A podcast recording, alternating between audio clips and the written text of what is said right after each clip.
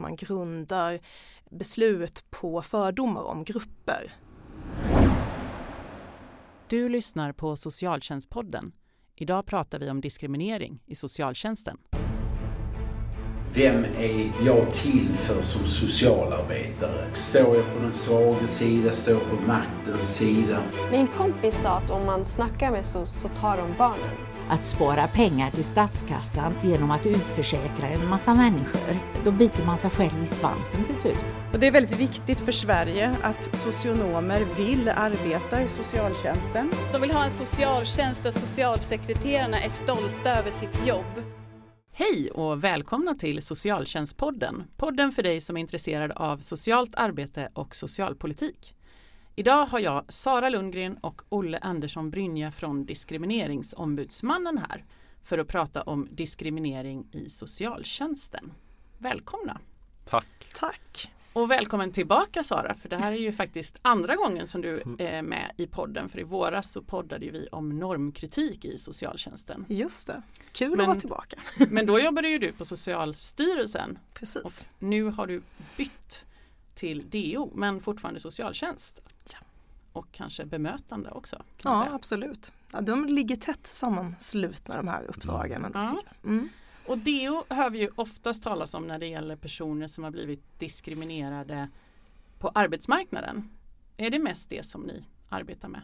Det beror lite på hur man ser det. det historiskt sett så har diskrimineringslagarna kom till Ja, den första lagen kom 1980 och sen så har det utvecklats därifrån till att då började man bara med en diskrimineringsgrund och det var kön. Och sen så mot 80 och 90-talet fick vi fler diskrimineringsgrunder. Det var funktionsnedsättning, det var sexuell läggning, det var etnisk tillhörighet och religion. Eh, och sen så efter millennieskiftet så fick vi inte bara fler diskrimineringsgrunder som eh, könsidentitet och ålder utan då fick vi också väldigt många mer samhällsområden. Bland annat skolan, eh, utbildningsväsendet i helhet men också socialtjänsten, eh, handel med varor och tjänster, eh, arbetsmarknadspolitiska åtgärder, medlemskap i fackförbund till exempel omfattas också även om vi får in i princip inga anmälningar där men ändå. Så det, det blev samhällsområdena ökade väldigt mycket och då 2009 så ville lagstiftaren eller riksdagen slå ihop de fyra ombudsmännen som fanns då, fyra diskrimineringsombudsmän med olika diskrimineringsgrunder till en.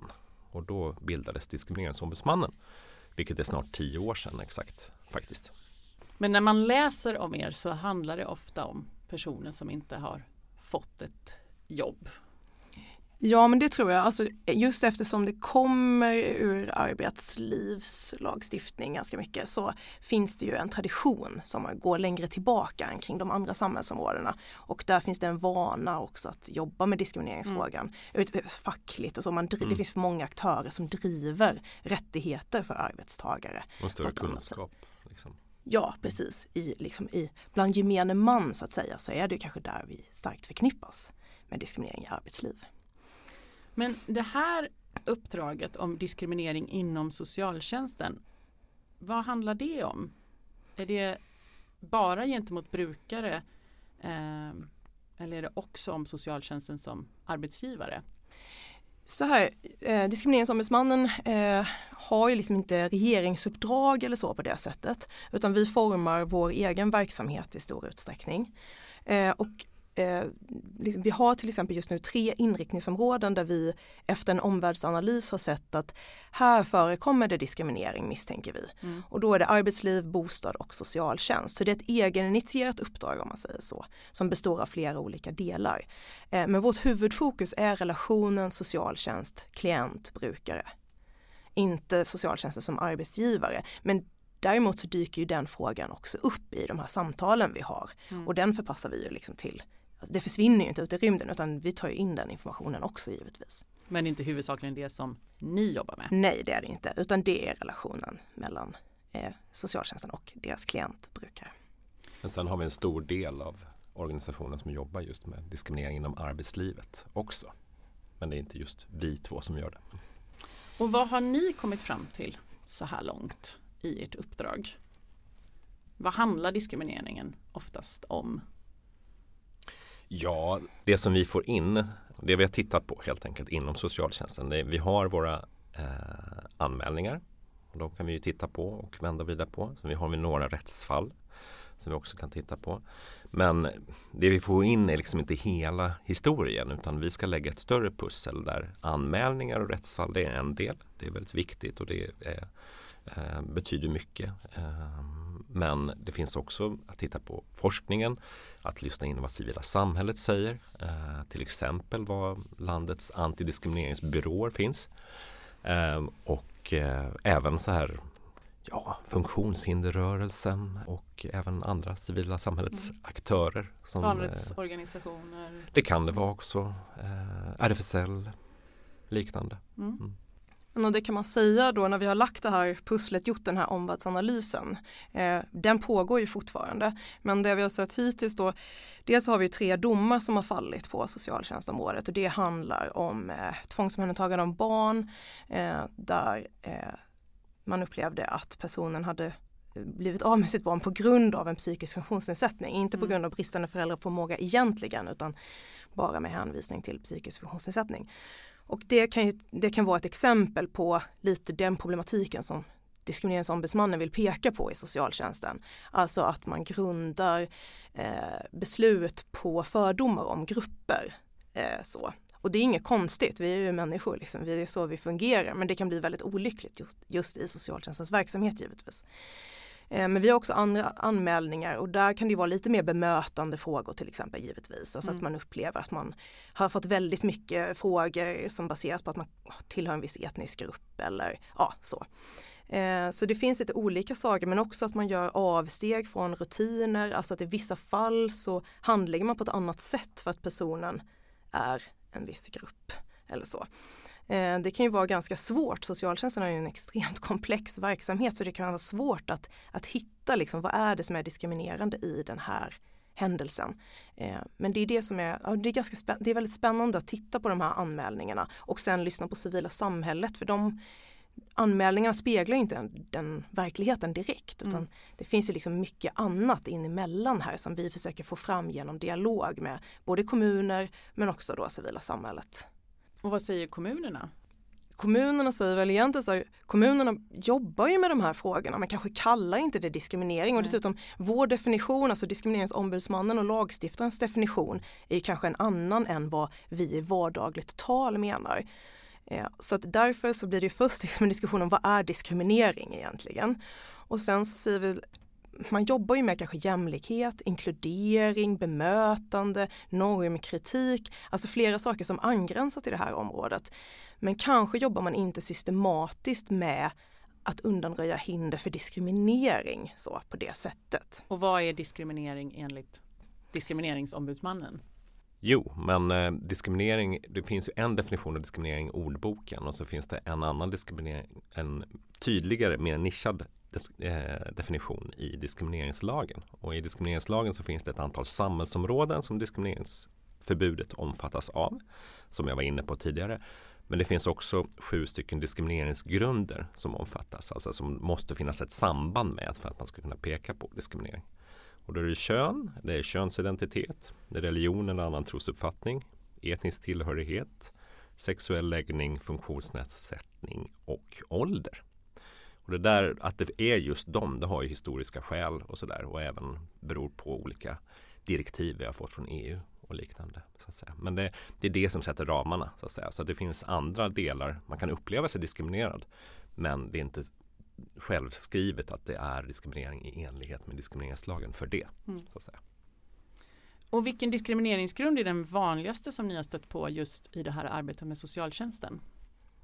Alltså om man tittar på vanligaste former av diskriminering. Eh, det är lite svårt att säga det. det är så här, vi får in ett antal anmälningar på olika samhällsområden och olika diskrimineringsgrunder och det är vanligast att vi får in eh, inom alla samhällsområden egentligen och det är oftast funktionsnedsättning, etnisk tillhörighet eh, och sen skulle man kunna säga att kön kommer ganska, inte så himla långt därifrån. Eh, och det gäller samma sak på socialtjänstområdet. Men med det sagt så är det inte självskrivet att, att hälsan tiger still i andra diskrimineringsgrunder mm. eller att det är just speciellt specifikt um, utsatta grupper i en viss diskrimineringsgrund så att säga. Men, man får ta dem, den faktan och lägga ihop det med forskning och kontakter med civila samhället och nyckelaktörer och liknande. Och sen så eh, försöka nå fram, liksom, lägga pusslet då som sagt. Det är fortfarande stigmatiserande att ha kontakt med många delar av socialtjänsten. Hur tänker ni att det påverkar benägenheten att anmäla att man känner sig diskriminerad? Det tror jag absolut påverkar. Det är ju för, för de, i de flesta fall en ganska jobbig upplevelse överhuvudtaget att vara i kontakt med socialtjänsten och något som man upplever som ganska jobbigt och också så man är kanske upptagen av det här som har hänt en liksom, i sitt liv. Att då tänka på att jag ska anmäla det här om man har upplevt diskriminering till diskrimineringsombudsmannen. Troligtvis är det ingen jättestor kännedom om att det är en möjlighet. Eh, plus att vi prövar ju inte själva beslutet som socialtjänsten gjorde utan om det förekom diskriminering. Så det kan ju fortfarande, och det kanske inte är det som känns mest aktuellt för mig i den här akuta situationen. Som jag dessutom ska bli ju det en utredning och så vidare. Så det kan ju, om det redan liksom, jag upplever det jobbigt så förstår jag absolut att stigmat kan göra att man backar från det. Så just på socialtjänstområdet så tror jag det är extra viktigt att vi tittar på liksom civila samhället och forskning och andra diskussioner för att liksom få en riktig bild av vad det är som liksom förekommer egentligen. Eh, sen finns det ju ett antal historiska händelser där socialtjänsten har varit involverad i allvarlig diskriminering som tvångssteriliseringar av psykiskt sjuka personer eller personer med funktionsnedsättning och sen har vi ju vanvårdsutredningen Eh, vad tänker ni är viktigt för att den typen av övergrepp inte ska hända igen? Det här är ju en jätteviktig lärdom. Alltså att, att, om vi tittar på det här som, om vi tittar i backspegeln och ser vad som har skett under, eh, under en tid tillbaka, som har skett i statens namn så att säga. Där finns ju en stor anledning till att diskrimineringslagen finns så att vi tar med oss den. Vi kan titta tillbaks och se hur samhället systematiskt utsatte grupper för övergrepp. Eh, och vi vet ju kanske inte vad vi, vad vi gör idag. Eh, och där finns ju, där är ju diskrimineringslagen och diskrimineringsombudsmannen har ju en viktig roll att vara den som tittar på samhället med de här ögonen, de här historiska ögonen och så här, försöka identifiera vad finns det eh, för händelser idag som skulle kunna ha en bäring på, liksom, som skulle kunna vara så här övergrepp i senare tid. Så där finns ju verkligen, där kan vi ju lära oss jättemycket eh, kring hur vi ska jobba med Eh, de här frågorna i vårt samhälle idag. Så det ska vi absolut ha med oss. För en, en fråga som många lyfter och, och, som skulle kunna bli en ny vanvårdsutredning är ju just eh, mottagandet och hanteringen av ensamkommande barn. Eh, som väldigt mycket, där väldigt många nu upplever att man är i en situation där man inte riktigt vet eh, om man inte får del av andra rättigheter och sen är det klart att man har större rättigheter när man är barn än när man har fyllt 18. Um, ehm, så. Men till exempel det skulle kunna vara ett sådant fenomen i samhället där liksom lagstiftningen och samhällets struktur eh, där, vi inte, där, där, skulle kunna finnas risker för diskriminering. Mm. Eh, och där kan ju diskrimineringsombudsmannen spela en roll att bevaka en sån fråga och se vad, vad ser vi utifrån vårt perspektiv och mänskliga rättigheter och barns rättigheter Liksom. Så det tror jag absolut, det är en, till exempel en sån jätteviktig fråga. För det låter ju också som att ni går inte, om man är missnöjd med sitt beslut så är det ju inte till er man ska vända sig. Nej. Utan det kan vara helt rätt beslut men att man i hanteringen har blivit diskriminerad. Absolut och det kan ju också vara, jag tänker att benägenheten att anmäla om jag fick beslutet jag ville ha fast jag ändå kanske mm. kände mig diskriminerad i processen är ju mycket mindre. Så där, där, de kommer vi ju aldrig åt tror jag, liksom just de som faktiskt ändå fick det beslutet de ville eller liksom var, är nöjda med beslutet. Eh, så det finns ju, ja, och det kan ju också vara bra att vara tydlig med när man anmäler till diskrimineringsombudsmannen att, att beslutet, insatsen kommer inte att prövas av, av DO. Men hur går arbetet vidare nu? När ni har börjat lägga pusslet men ni fortfarande håller på att samla in information. Ja, det handlar fortfarande väldigt mycket om dialog. Att komma ut i landet och träffa kommuner och höra mer om den verksamhets, vara lite mer verksamhetsnära så att säga. Eh, men också om att eh, fortsätta ha liksom diskussioner på nationell nivå och eh, ja, träffa olika nyckelaktörer få in ett diskrimineringsperspektiv helt enkelt. Att prata om diskriminering och peka på att diskrimineringslagen finns och sprida kunskapen kring den. Det är ett, ett av de absolut största stegen. Och är det någon som, alltså är det någon kommun där ute som är intresserad av en dialog så kan man också höra av sig till oss. Eh, det finns säkert kontaktuppgifter i anslutning till den här podden. Det ska vi se till att Ja, lägga ut. Så då är man jättevälkommen att höra av sig. Så det, lite är ni liksom mitt i arbetet. Precis, vi är mitt i arbetet men vi börjar se liksom vissa saker. Okej, vilka aktiviteter, vilka insatser, vilka verktyg skulle en kommun behöva? Mm. Eh, Så där finns ju en tanke att vi skulle kunna testa lite olika sätt att arbeta med diskriminering ute i verksamheten faktiskt. Eh, Och prova, funkar det här? Och sen liksom kanske skala upp det sen. Men nu är vi kanske i någon testfas där vi behöver se hur man i det dagliga arbetet i socialtjänsten faktiskt skulle kunna jobba med det här utan att det blir en belastning utan en, Mm. En, eh, en kvalitetssäkring eller så. Så bra, så då finns alla möjligheter för intresserade kommuner att kontakta er. Ehm, och hur länge kommer det här arbetet att pågå? Det pågår inte på någon bestämd tid utan Okej. det ska pågå så länge som liksom, ja, behovet på något sätt vi kan analysera att behovet finns och att vi känner att vi gör ja, vi kommer ut och att vi gör någon sorts nytta i alla fall. Men vi, tanken är ju att i ett av våra delprojekt i alla fall ska, att vi ska vara ett stöd för kommunerna. Det är uttryckligen så. Liksom. Eh, Så det är med den utgångspunkten man ska tänka också. Så det finns ingen knivskarp redovisningsdeadline utan Nej, eftersom det här är egeninitierat så har vi ingen slutredovisning mot eh, regeringen eller så. Utan det är, det är helt enkelt att vi, vi håller på med det här tills vi tycker att vi har nått de mål som vi har satt upp. eh, Eller ja, att vi känner, känner att vi inte kan göra mer på det här området eller så. Eh, men 2020 är väl liksom inriktningsområdet socialtjänst satt till och sen beroende på hur behoven ser ut då så, så fortsätter vi eller så fortsätter vi inte. Eh, men det finns alla det är mer utifrån behov än en tid. ja. Går ni ut med någon mera information via civilsamhällets organisationer just att diskrimineringsombudsmannen finns och är en myndighet man kan anmäla till om man känner att man har blivit diskriminerad. För det kanske inte är det första, man kanske möjligtvis, man kan, ofta tänker man kanske polisen eller JO. Ja, alltså den, det ingår ju som en del av liksom DOs hela uppdrag och Ja. konstanta verksamhet att jobba mot intresseorganisationer och också våra antidiskrimineringsbyråer runt om i landet. Att liksom hjälpa oss att sprida det budskapet att eh, man kan anmäla om man har upplevt sig diskriminerad till oss. Så det pågår ständigt och hela tiden. Tack Sara och Olle för att ni har varit med i Socialtjänstpodden idag. Eh, om två veckor är vi tillbaka och då kommer vi att spela in från MR-dagarna i Stockholm där temat är rätten till ett liv fritt från våld.